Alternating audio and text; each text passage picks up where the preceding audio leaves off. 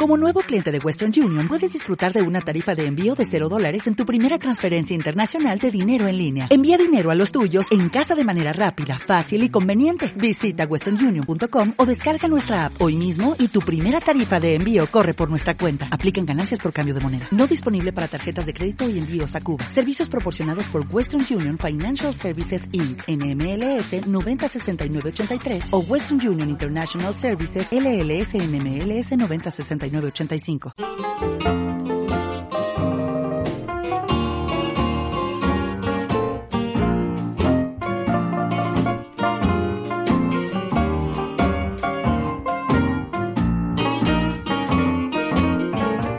Fem memòria, amb Julio Frank.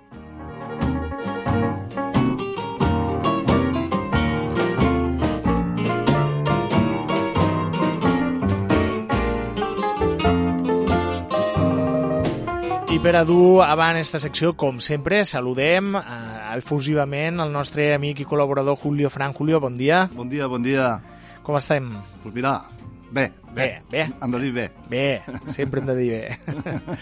A més, avui tenim este dia tan, tan bonic, no? I, i era hora. Calor, calor fa. Sí, sí, Trobo sí. que fas tu. Encara Sí. que la temperatura digui que estigui més baixa que ahir, però... La sensació és una altra. Sí, sí. Sí, sí.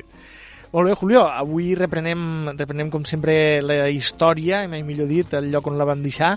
Uh, la setmana passada ens vas fer lo, un tastet no? de, de la secció que, que continuarem les properes setmanes. sí. Eh, de Munià abans, eh? De Munià abans, eh, fet per Joan Frank Soler, eh? que en pau descansa. Però, bueno, la setmana passada, bueno, fa 15 dies, ens vam quedar en el pròleg. Eh? Sí, sí, al principi, exacte. i en els agraïments.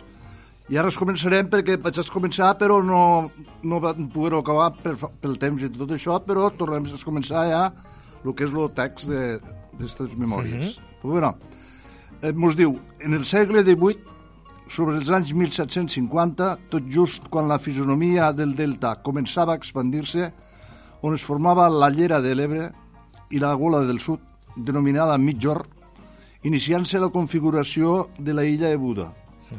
Un home jove que prevenia de l'Aragó, en Ramon Frank, va arribar a aquesta terra on va veure possibilitats de treball. I continuant de futur, encara que costós. El destí va voler la unió matrimonial amb Càndida Serra. Del matrimoni va néixer en Carles Frank, que havent-se casat amb Josefa Pons va morir l'any 1835.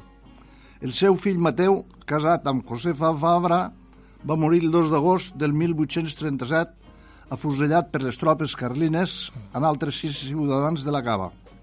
Els carlins, en una de les inclusions al Delta, van assetjar els pobladors partidaris isabelins, que s'havien fet forts al fortí o simplement pel fet de ser de la població fins que la superioritat i millor equipament bèl·lic dels carlistes va evidenciar el resultat. En Mateu i sis més dels seus veïns van morir afusellats per la llibertat i benestar social per la seva terra. La Josefa de ginollons abraçada al cos immòbil del seu espòs i ofegant-se amb angoixós plor cridava «Mateu, Mateu!». No se n'adonava que la seva roba era impregnada per la sang del seu estimat. Hom diu que les tropes carlines segrestaven noies que després subastaven a poblacions com el Perelló.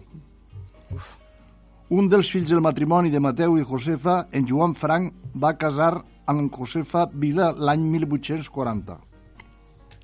Aquells temps foren difícils, era una època amb treballs encara durs i recollida de productes autòctons. La regalència, la sosa, la boga, els canyís, els juncs i altres recursos per alimentar lo bestiar. Això és l'economia del Delta d'aquella època. En Eh? aquella època, sí, sí. I el que va durar. Sí, sí, hasta, l'altre dia. Hasta que no es va fer-se... Bueno, en acabat se va fer-se blat, diguéssim, o sigui, blat, avena i això, i després ja va ser quan se va començar l'arròs. O sigui, No, I cotó també, entremig. Sí, però el cotó va ser poc temps, eh? O sigui, no... no, no vamos, jo només el vaig conèixer dos anys. Ara, potser més anterior també en devien de fer. Però el cotó és una cosa... Ara, ara hi ha màquines per acollir, però llavors s'havia de fer-se tot a mà, punxava molt, punxava molt, i, i era costós. I com anava a pes, pues, pesava poc. Pues havies de collir un munt. No, no resultava. Bé, llavors les possibilitats de millors qualitats de vida eren llunanes, d'una sostenibilitat auspiciadora. Los habitacles, encara en típica barraca, era el mitjà que més se gaudia. Poques famílies tenien una vivienda en obra ferma i les condicions provocaven unes incomoditats a les quals s'haurien d'anar acostumbrant, millorant pausadament generació rere generació.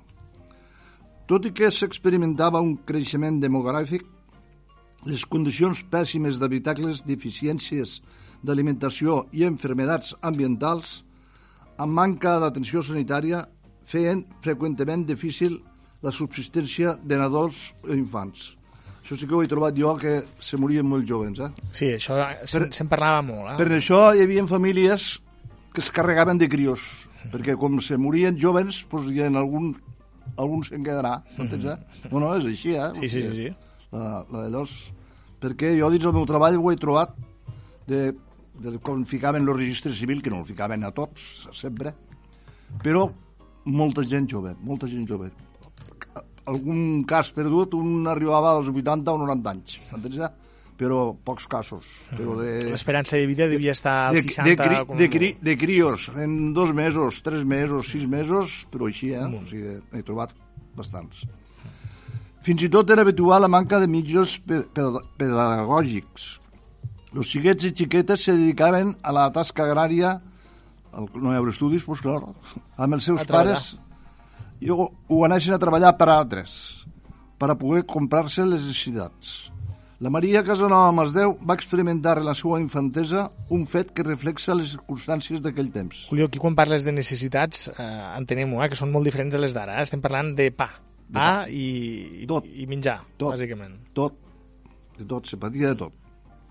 De tot perquè no hi havia Sí, sí. metges, metges hi havia un per a Sant Jaume, Josep Maria i la Cava i, i deja de contar. Hmm. I de mestres, doncs, El mateix. N'hi ficaven, però mm, el que sí que he trobat és que els canviaven molt prompte. Saps? O sigui, allò de dir, un mestre anys no ho estava.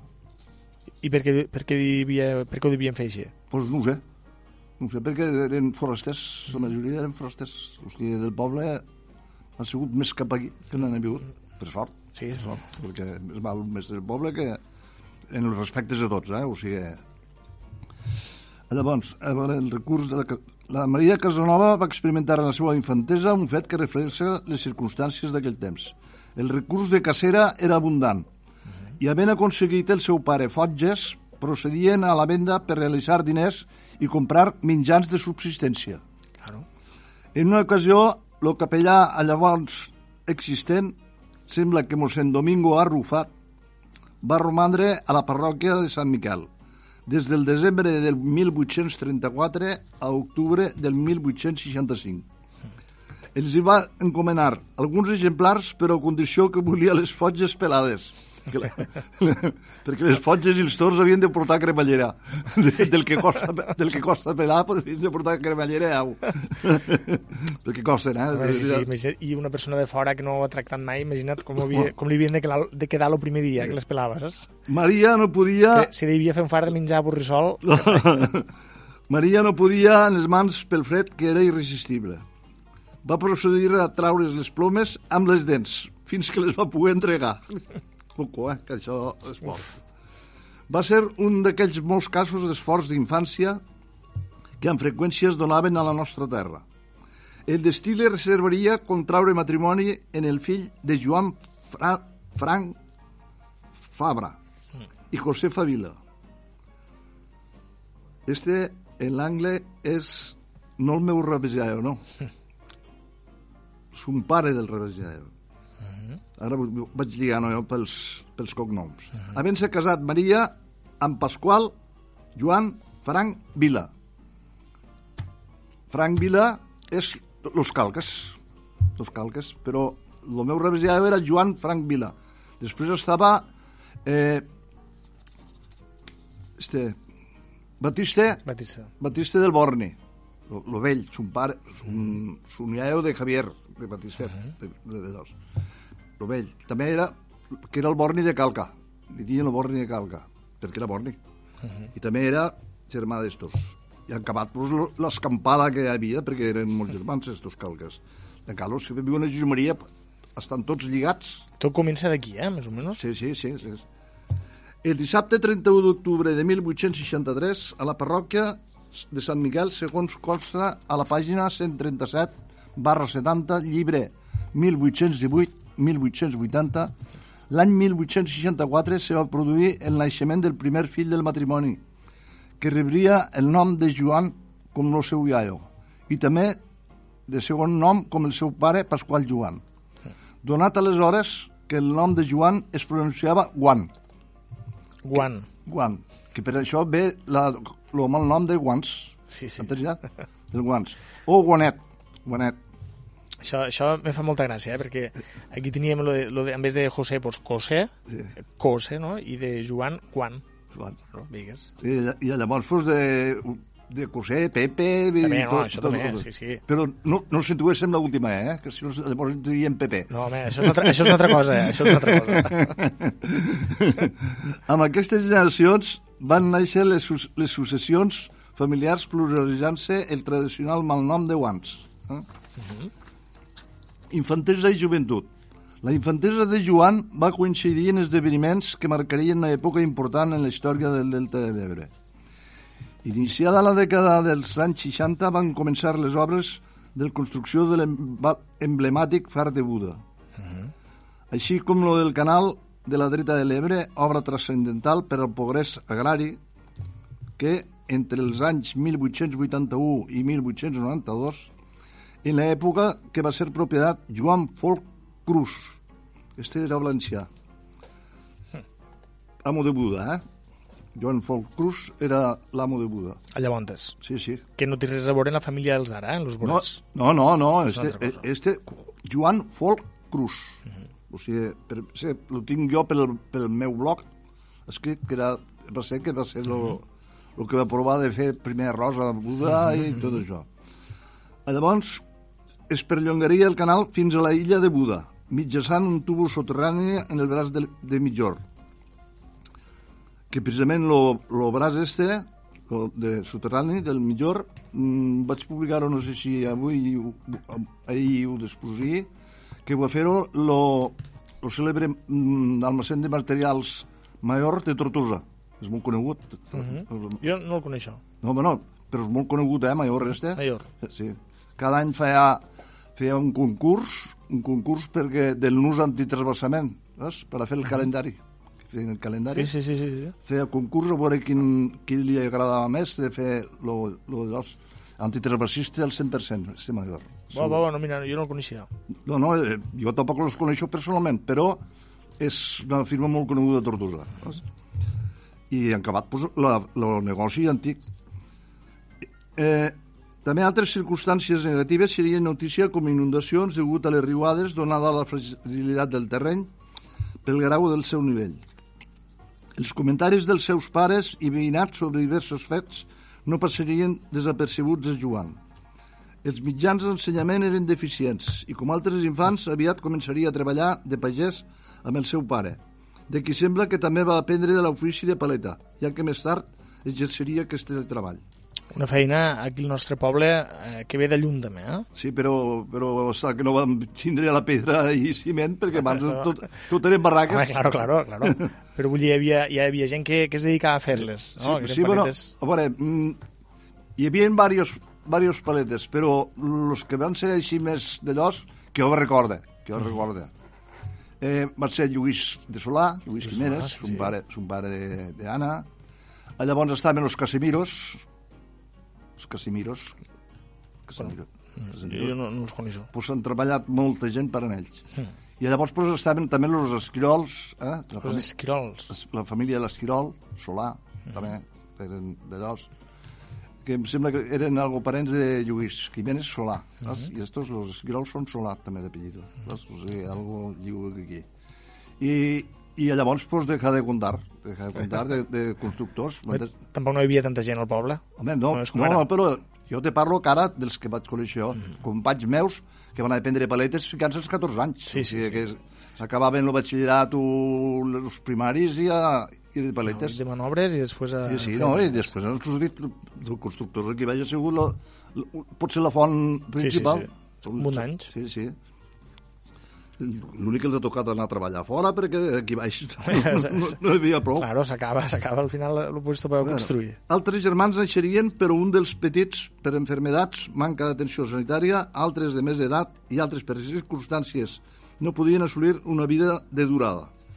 Mentre Joan desenvolupava la seva joventut alternant treballs agraris i de paleta, especialment la construcció de barraques. la construcció de barraques, sí, sí, sí. Llavors, Tenia espírit emprendedor i provada experiència una fama d'home manyós.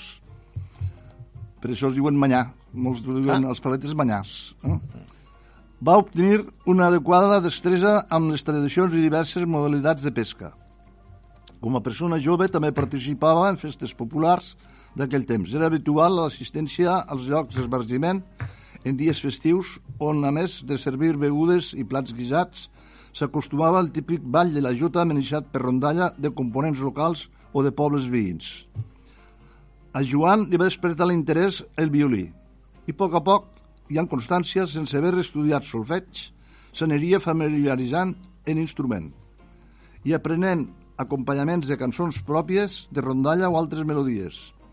El seu pare, Pasqual Joan, també havia après el violí havent harmonitzat sense solfeig. Mira. S'aproximava a l'edat de lleva i degut que Espanya encara mantenia colònies a ultramar, existien moltes possibilitats del destí militar molt més lluny que qualsevol punt de la península. Llavors encara quedava Cuba i Filipines, saps? O sigui, Cuba ja havia experimentat brots independistes i Filipines, que a la vegada era més lluny que el continent d'Amèrica, havia donat mostres revolucionàries el regràs dels soldats dels llunans continents i les cartes que rebien els familiars no donaven mostres de satisfacció per les informacions rebudes.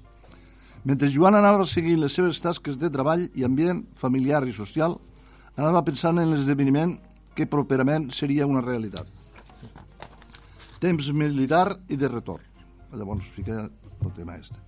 Quan va rebre el comunicat, li va donar un capgirell al cor – Llavors, segons la llei de reclutament, els temps establerts de servei militar era molt llarg i pràcticament absorbia els millors anys de la jovenesa. En aquest cas no per càstigs, eh? com, com després de la Guerra Civil, era perquè estava estipulat així. Sí, sí, sí, sí.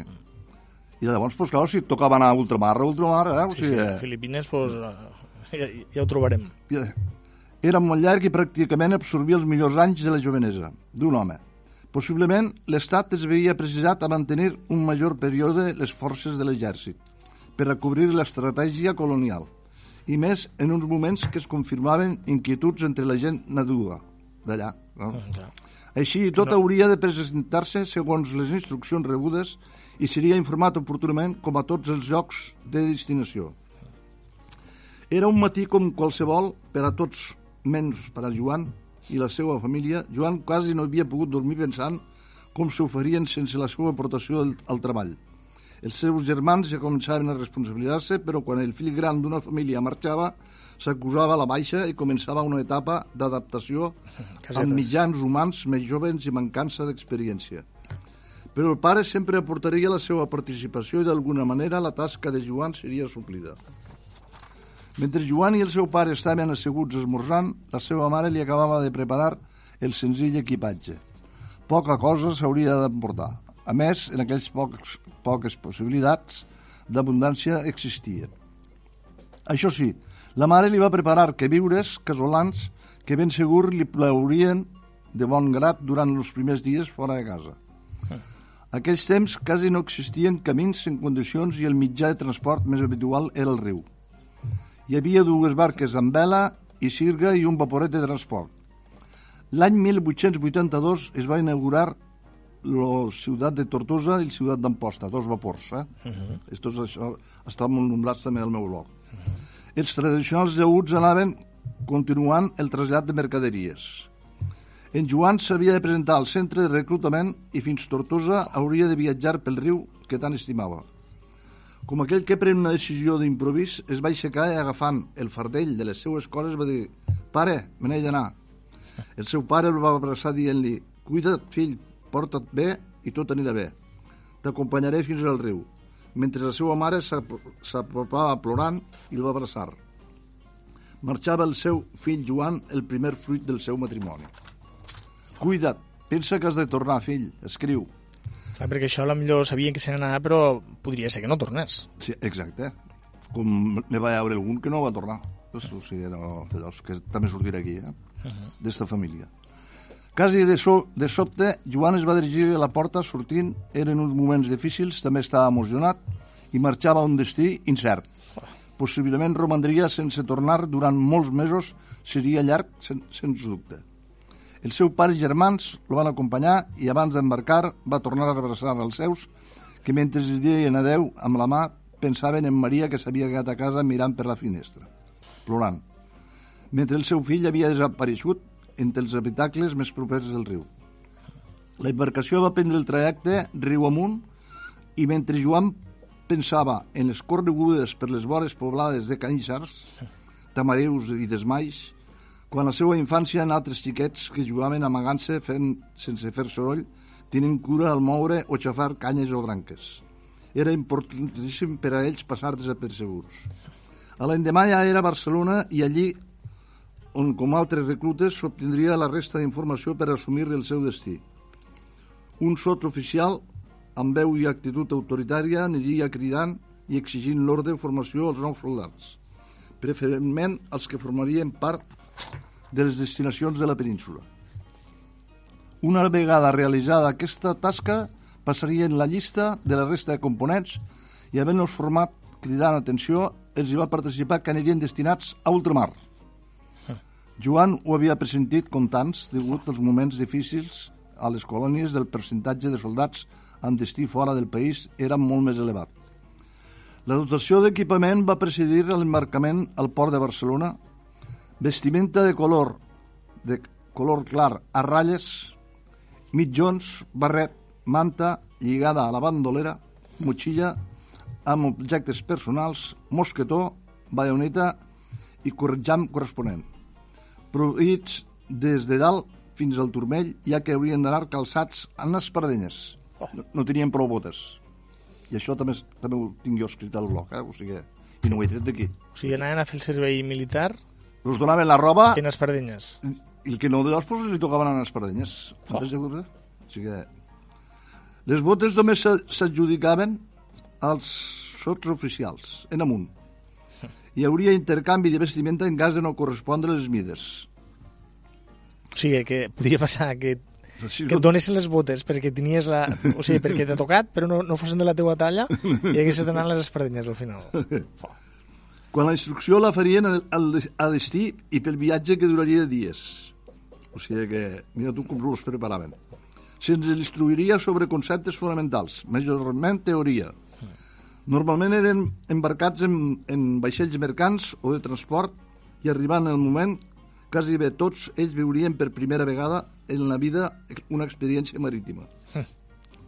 Havent estat una estona en formació en front del vaixell corresponent, van rebre l'ordre d'embarcament. A mesura que ho feien, s'anaven recolzant al passamà de la barana. Molts familiars havien acudit per recomiadar-se i contínuament soldats i parents es saludaven amb les mans pràcticament. Ja no era possible transmetre paraules, els crits d'uns i altres i sorolls de carregaments de provisions ho impedia.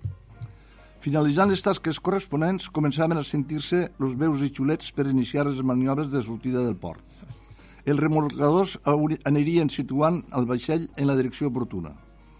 Els familiars observaven com el vaixell cada vegada s'anava apartant més i lentament anava girant-se en proa i els soldats veien cada vegada més gran la distància entre la nau i el moll de sortida.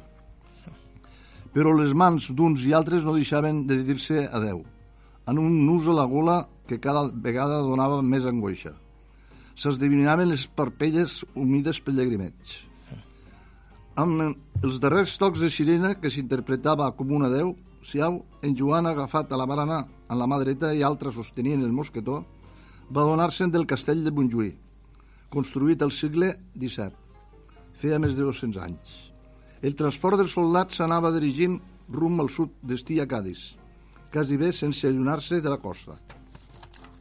Els reclutes amb qui també viatjaven alguns sotoficials i oficials, començaven a seure on podien i s'identificaven. Era una experiència que si bé ja l'esperaven, era novedosa i s'haurien d'anar coneixent. Eren companys quasi bé en idèntiques circumstàncies, familiars, pares, germans, parents, núvies...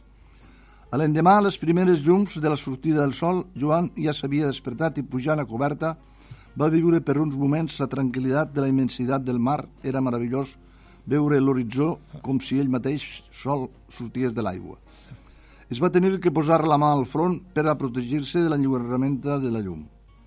Va donar uns passos en direcció contrària, de sobte es va parar i es va acostar lentament a la barana i va descobrir una figura que li va ser familiar. En allà, en la llunania, es podia albirar la figura del far de Buda. Oh, guai. Coneixia bé, es va inaugurar l'any 1864, el mateix any que ell va néixer. Havia estat molt prop de quan havia fet veïnat pels seus indrets. En aquells moments hagués donat qualsevol cosa per traslladar-se uns minuts i abraçar els seus, però de miracles no se'n podien fer. Hauria d'esperar per a remetre una carta i participar al seu destí a ultramar. El cinquè o sisè dia passarien per l'estret de Gibraltar i més tard arribarien a Cádiz. Una altra vegada hauria renou de soldats. Classificació definitiva dels que havien destinats a Cuba, generalment navarresos i gallecs, així com també catalans. I els andalusos, per això potser venen les habaneres d'això, eh? han anat de catalans. I els andalusos i demés reclutes del sud d'Espanya i de les illes filipines es dedueix que els classificaven així donades les similituds climatològiques i referent a soldats del delta de l'Ebre pels indrets pantanosos i condicions ambientals. O sigui, els portaven perquè representa que ja, ja, ja pensaven que ja estarien adaptats. Eh, exacte, pel terreno. Pel terreno. És cosa que no sabia jo. Mira. I condicions ambientals. Clima humit i tropical, així com també cultura en producció arrossera, que des de feia segles que practicaven als extrems asiàtics. Els portaven a, a colonitzar, sí. al final. Sí, sí, però, però clar, com allà se rebel·laven ja claro. les colònies... Pues, bueno. Així, havent estat informats segurament del destí, podrien escriure a les famílies. Òbviament, a Joan li resultaria dolorós participar a la família a la notícia i haurien d'escollir entre desesperació o resignació i coratge. Serien molts mesos en un únic mitjà de comunicació les cartes arribarien en un excessiu retard, claro un barco. Les... De nou es van viure les maniobres de sortida de port i cadascun dels vaixells emprengueren el seu itinerari. Dies i dies per l'immens mar i sempre era possible navegant prop de la costa, les naus no reunien en unes condicions òptimes com per realitzar un viatge de durada sense proveir-se de tota mena de mitjans, incloent aliments. En arribar al continent africà i tenint que atracar a de les colònies notaven la diferència dels indrets desconeguts, d'aquella gent en la seva pell bruna, cada vegada més negra, les seves vestimentes i els seus costums. Tal vegada eren autoritzats a baixar sense allunar-se i es passejaven entre la gent notant la manca de costum en xafar terra ferma. Les illes Filipines eren una altra part del món i Joan, com tants altres joves de 18 de 9 anys, es preguntaven si era beneficiós mantenir-se un país com Espanya sense donar ocupació productiva a la gent jove. Eren temps difícils i cada vegada es veia més endarrerit el panorama d'ultramar. Cada vegada més complicat va ser un viatge llarg de 40-50 dies. Molts es manejaven, fou, fou pesat, va ser pesat, fins i tot sabent que en arribar al destí podrien trobar dificultats d'adaptació en un món desconegut on perillava qualsevol revolta dels nadius. N'hi havia que desitjaven conèixer aquella terra llunada, però no eren conscients que el perill podia sorprendre. Simultàniament, quan Cuba exercia accions revolucionàries. Fil Sí, perquè això, Julio, anaven a fer el servei, però una mica anaven a fer la guerra, també. Sí, sí, sí. sí, sí. No era el servei, era anar a combatre... Eh? a combatre, a combatre. Sí, sí, sí. Perquè quan hi havia alguna revolucionari, pues havien d'actuar. Claro, claro. Havien d'actuar. Aunque aquí, per fer un referèndum, va passar el que va passar. Imagina't. Ara tu contar Imagina't. Un si anés de bona cosa, pues l'exèrcit al carrer, sí, sí. us trobaríem. Eh, en, exercia, exercia a Cuba accions revolucionàries. Filipines també reaccionava així. La repercussió de la guerra dels 10 anys 1868-1878 i la Guerra Chiquita d'agost de 1879, vençuda per Polavieja, va repercutir en desestabilitzar la situació de Filipines. Anteriorment, el moviment de protesta Cavite, 1872, amb afusellament de tres sacerdots indígenes, va accentuar el caràcter anticlerical dels independistes. O sigui que els independistes no van voler saber res de, de missioneros i això. La dominació espanyola tenia el seu origen des del 1521, quan Magallanes va arribar, després van, van organitzar altres nombroses expedicions que van assolir el domini l'any 1564. Els van batejar Illes Filipines honorant el rei Felip II. Mira, aquesta no la sabia. Sí. Perquè el rei Felip II era el que mai se ponia al sol. Ah, Jo, jo no sabia que les Filipines eren en honor al rei. Jo eren tampoc. les fe Jo tampoc. Filipines, no? Les Filipines. sí, sí, Filipines. sí, sí. sí. Això que, que este, este Joan aquí, per treure tot això, ojo, eh? Sí, sí. Home, ell, claro, un munt de coses les va viure, no? De... No, no, no, que no era gran ell. Ell això ha sigut tot buscant. Buscat, eh? Buscant arxius i historiat, que és el que li agradava a ell. Sí, sí, jo pensava que ho havien anat No, transmetent. no, l'Ajuntament li va ficar-hi una oficina i tot, Ah, mira. com a col·laborador. Li va ficar-hi una oficina allà al carrer Ramon i Cajal, Mm. no? que estava l'antic de llocs de metges i Sí, l'antiga sí, sí, sí, el costat del de Sanchís. Pues, I després de segles sotmesos la dominació es van accentuar cada vegada més els moviments de protesta dels nadius. Filipines era major, ma, majorament pla i pantanós, amb una important cultura productora d'arròs que feia segles. Paratges selvàtics, país productor de canya de bambú, de copra, suc de coco per a oli i medicaments. Des de sempre, Filipines s'havia caracteritzat per l'extens comerç que havien exercit espanyols, portuguesos, alemans, holandesos, inglesos. Curiosament, quan tornaven els soldats llicenciats, acostumaven a portar les seues promeses a les seues promeses o mares un mantó de Manila, sí, quan realment aquestes articles eren fabricades a Hong Kong i venuts als comerciants de Manila guai. i altres indrets de les illes. Tot i que no s'afiançava una estabilitat de pau pels moviments independistes que s'estaven sospitant, els nadius mantenien bones relacions amb els soldats espanyols, a qui assistien d'una forma servicial. Era un lloc desconegut, altra gent, altra cultura, dient que era un paradís vell, però un gran sector amb aspiracions. Clamava llibertat, reivindicaven una autonomia que Espanya no acceptava i que estaven disposats a concedir-la llavors va ser tard. Això me sona. Ex extrem sud de Intramuros, antigua Manila, emmurallats Filipines. Aquí fica com un dibuix. Una foto? Ah, sí, una, un dibuix. Una muralla. Saps? Una muralla. Uh -huh. Nos queda poc rato, eh, no? Sí, mos queden, fem cinc minutets més, Julio, Sí, si vols, sí, tranquil. va, sí. Eh, Estava dient que això és el caràcter espanyol governant de sempre, Sí, és el que hem sí. vist últimament. Sí. No ho acceptem, guerra, conflicte, i mira, al final Filipines també va ser independent. Eh, Sempre en los Borbons se van perdent tot. Sí, sí. Sí, sí. Se van perdent. Ells, ells no perden massa, eh, per, per això. No, no, no.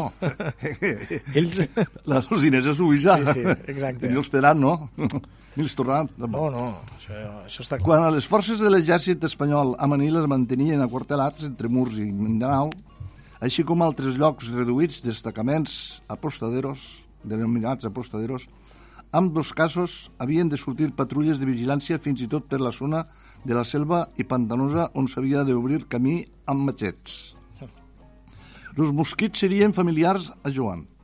En alguna ocasió potser havia tingut que posar atenció i tenir cura de no fer soroll com quan era xicotet i jugava pel riu. De ben segur que la missió de les vigilàncies era precisament sor sorprendre i no ser sorprès. Els mosquits no eren l'únic enemic del mig natural selvàtic. Donada la circumstància que els soldats calçaven espardenyes i al ser utilitzades es produïa un desgast més ràpid del calçat. Molts optaven per anar descalços, ojo, eh? Oh, i majorment eren víctimes d'un diminutiu insecte en forma de cuc que s'introducia a les ungles dels dits dels peus produint uns dolors de consideració, uf, provocant una infecció donat un malestar que fins i tot en alguns casos provocava la mort. uf. En moltes ocasions es notava manca d'adaptació climàtica. Joan, però a més de les incomoditats de tothom, que, que tothom es trobava, havia notat que el seu estat d'ànim i físic uns símptomes anormals. Ai, mare. Experimentava que el seu estat de salut no era el mateix de quan havia sortit de casa. El mal de cap i cansament era sovint. Durant el viatge i de baixada pel continent africà havia experimentat la picada d'un insecte que li va provocar un acusat malestar, donant-li febre durant dies i una situació no habitual i greu. Mentre ell va estar absent des de que va marxar 1882-1886, s'havien produït esdeveniments a la seva terra. La riguada del 1884, una epidèmia de còlera el mateix any i també la pelúdica l'any 1885. Les comunicacions i notícies familiars, encara que en retard, s'anaven succeint. Hom diu que les cartes dels soldats arribaven per mitjà fluvial i quan el vapor d'aquella època portava carta a Joan, el vaixell en arribar a la cava feia sonar el xulet d'una forma especial en tres tocades i llavors s'endevinava que arribava carta de guants fins i tot algun dia. Oh. Carta de guants. Possiblement aquells anys en Joan hauria sigut l'únic component d'aquestes terres desplaçat a Filipines, almenys en el seu destacament. Això devia ser un esdeveniment quan arribava una carta, no? Tots al voltant de la Home, carta, clar, claro, i claro. se li devia llegir per a, per a tot el poble, quasi. Sí, sí, sí, sí. El que era preocupant pels soldats i familiars eren les enfermedats que es produïen entre els enviats a ultramar. Era un percentatge elevat de morts que ja no tornarien i afortunats si podien finalitzar el seu compliment militar o tornar donat del seu estat d'indisposició. Un altre perill, en la seva immensa extensió d'illes i paratges selvàtica, era la proliferació de bandes de pirates que, degudament proveïts d'armaments Oh, i embarcacions adequades, es cometien pels jocs fluvials a vaixells o poblats d'escassos habitants, sense contemplació ni respecte, robant i assassinant. Després de 120 anys encara segueixen sense poder ser Sí. reduïts Exacte, estava pensant, no? Que encara, encara existeixen estos pirates, eh? de, de, de les seves deshonestitats activitats deshonestes activitats i quan particulars i turistes han de desdinar-se per aquells indrets són acompanyats per policies o forces de l'exèrcit. Sí, sí, sí, sí. El tagaló era l'idioma nadiu que parlaven els filipins. En el primer moment, com van arribar els espanyols al 1521, fins que des de 1898 a 1977 va seguir parlant-se l'anglès i l'espanyol. Després van desaparèixer aquestes llengües oficialment i abans de l'any 2000 ja s'havia restablert un nou idioma oficial, del tagaló. A partir d'aquí, tenint en compte que algunes denominacions no existien en tagaló, com per exemple els mesos de gener, febrer i març, així com l'absència de cadires per asseure i altres objectes es van aplicar més noms d'idioma espanyol. Havien passat mesos i era evident que cada vegada li quedava més temps per complir el seu deure militar. Però també se li feia pesat. Eren molts espanyols que es trobaven en la mateixa situació. N'hi havia que marxaven per haver complert el temps reglamentari, altres que arribaven reclutes de reemplaç que s'haurien d'anar adaptant com ell amb paciència i voluntat. Però n'hi havia altres que morien per enfermedats que contraïen i els familiars rebien el corresponent comunicat oficial. També hi havia moments que la seva llunania i en nits com les de Nadal no deixava de pensar en els seus estimats i aprofitava per escriure, potser en la tranquil·litat de la nit. Havent aixecat la mirada i veient les estrelles, i se sentia més motivat. Estimats pares i germans, mentre els nadius formant aquell cercle de comunitat, a les nits entonaven les melodies de generació rere generació, havien anat aprenent dels seus i també cançons espanyoles que els components de l'exèrcit havien introduït. Entre ells els diversos instruments espanyols que utilitzaven van quedar tradicionalment més arrelats la guitarra i la bandurria. Es deixaven sentir diversos cors de, ca de veus cantant més a prop o més lluny. En la, I en la sol·licitud i el silenci de la nit es confonien les entonacions dels nadius i soldats com si conjuntament s'elevessin per a donar un missatge al món. Això, Julio, explicat així, et desperta moltes ganes d'haver-ho viscut.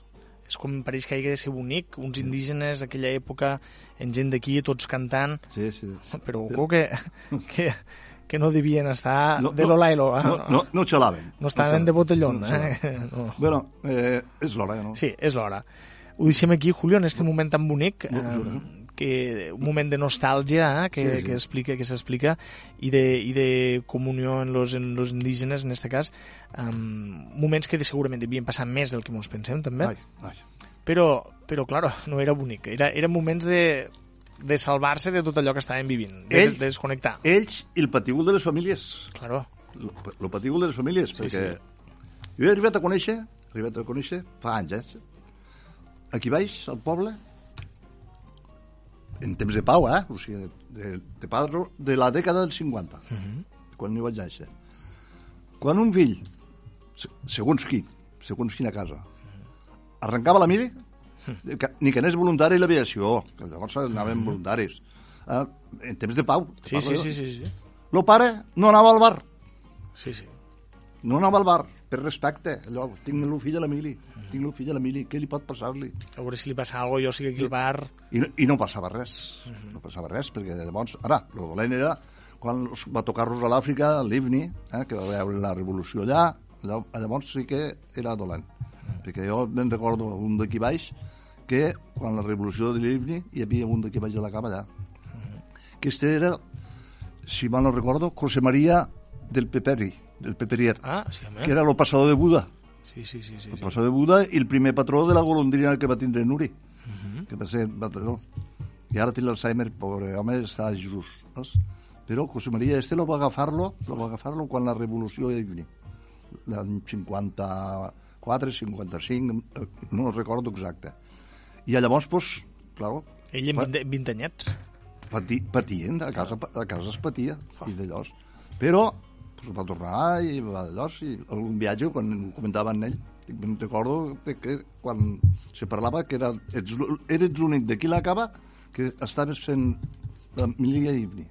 Saps? Llavors va venir la revolució aquesta i bueno, l'Ivni ho van deixar perquè els- pels, perquè de l'Ivni i del Sàgara i això se traïen els sulfats. I encara es trauen. Encara es I per això està com està, que no... Ningú vol renunciar, però ningú vol Sí, posar però, diners. però clar, les, les terres, les terres d'aquí a Espanya estan encara molt, molt ben, de llavors, els anàlisis que fan de, de l'agrària, les escoles agràries, encara són riques en, en, els, en, els, en els sulfats. sulfats. Els sulfats. O sigui, faran falta altres abonos, però els sulfats, com se'n treia tant, se, ca- se carregava molt. Ja, I les terres pues, l'aguantaven més. O sigui que hi ha un historial que rai. Ai, si n'hi ha de coses per a dependre i Bo. per a repassar. Pues sí. Julio, moltes gràcies. Avui la continuació, vaja, la continuació. Avui hem entrat de Sí, ple sí. en les memòries de, de Juan. de, de guants. Guan- com Munia, es diu? Munia de guants. Un dia de guants, guants, això. Però m'ha xocat lo de guants per Joan, que jo no ho Sí, sabia. sí, sí. I, I ara ho sé i ho trobo molt interessant. Julio, moltes gràcies. Una setmana més. Ens tornem a trobar d'avui en 15. D'avui en 15 dies. Va, doncs molt bé. Gràcies a vosaltres eh? i gràcies al poble que ens estigui escoltant i espero que els agrada. Eh? Segur que Vinga, sí. Bon dia tinguent.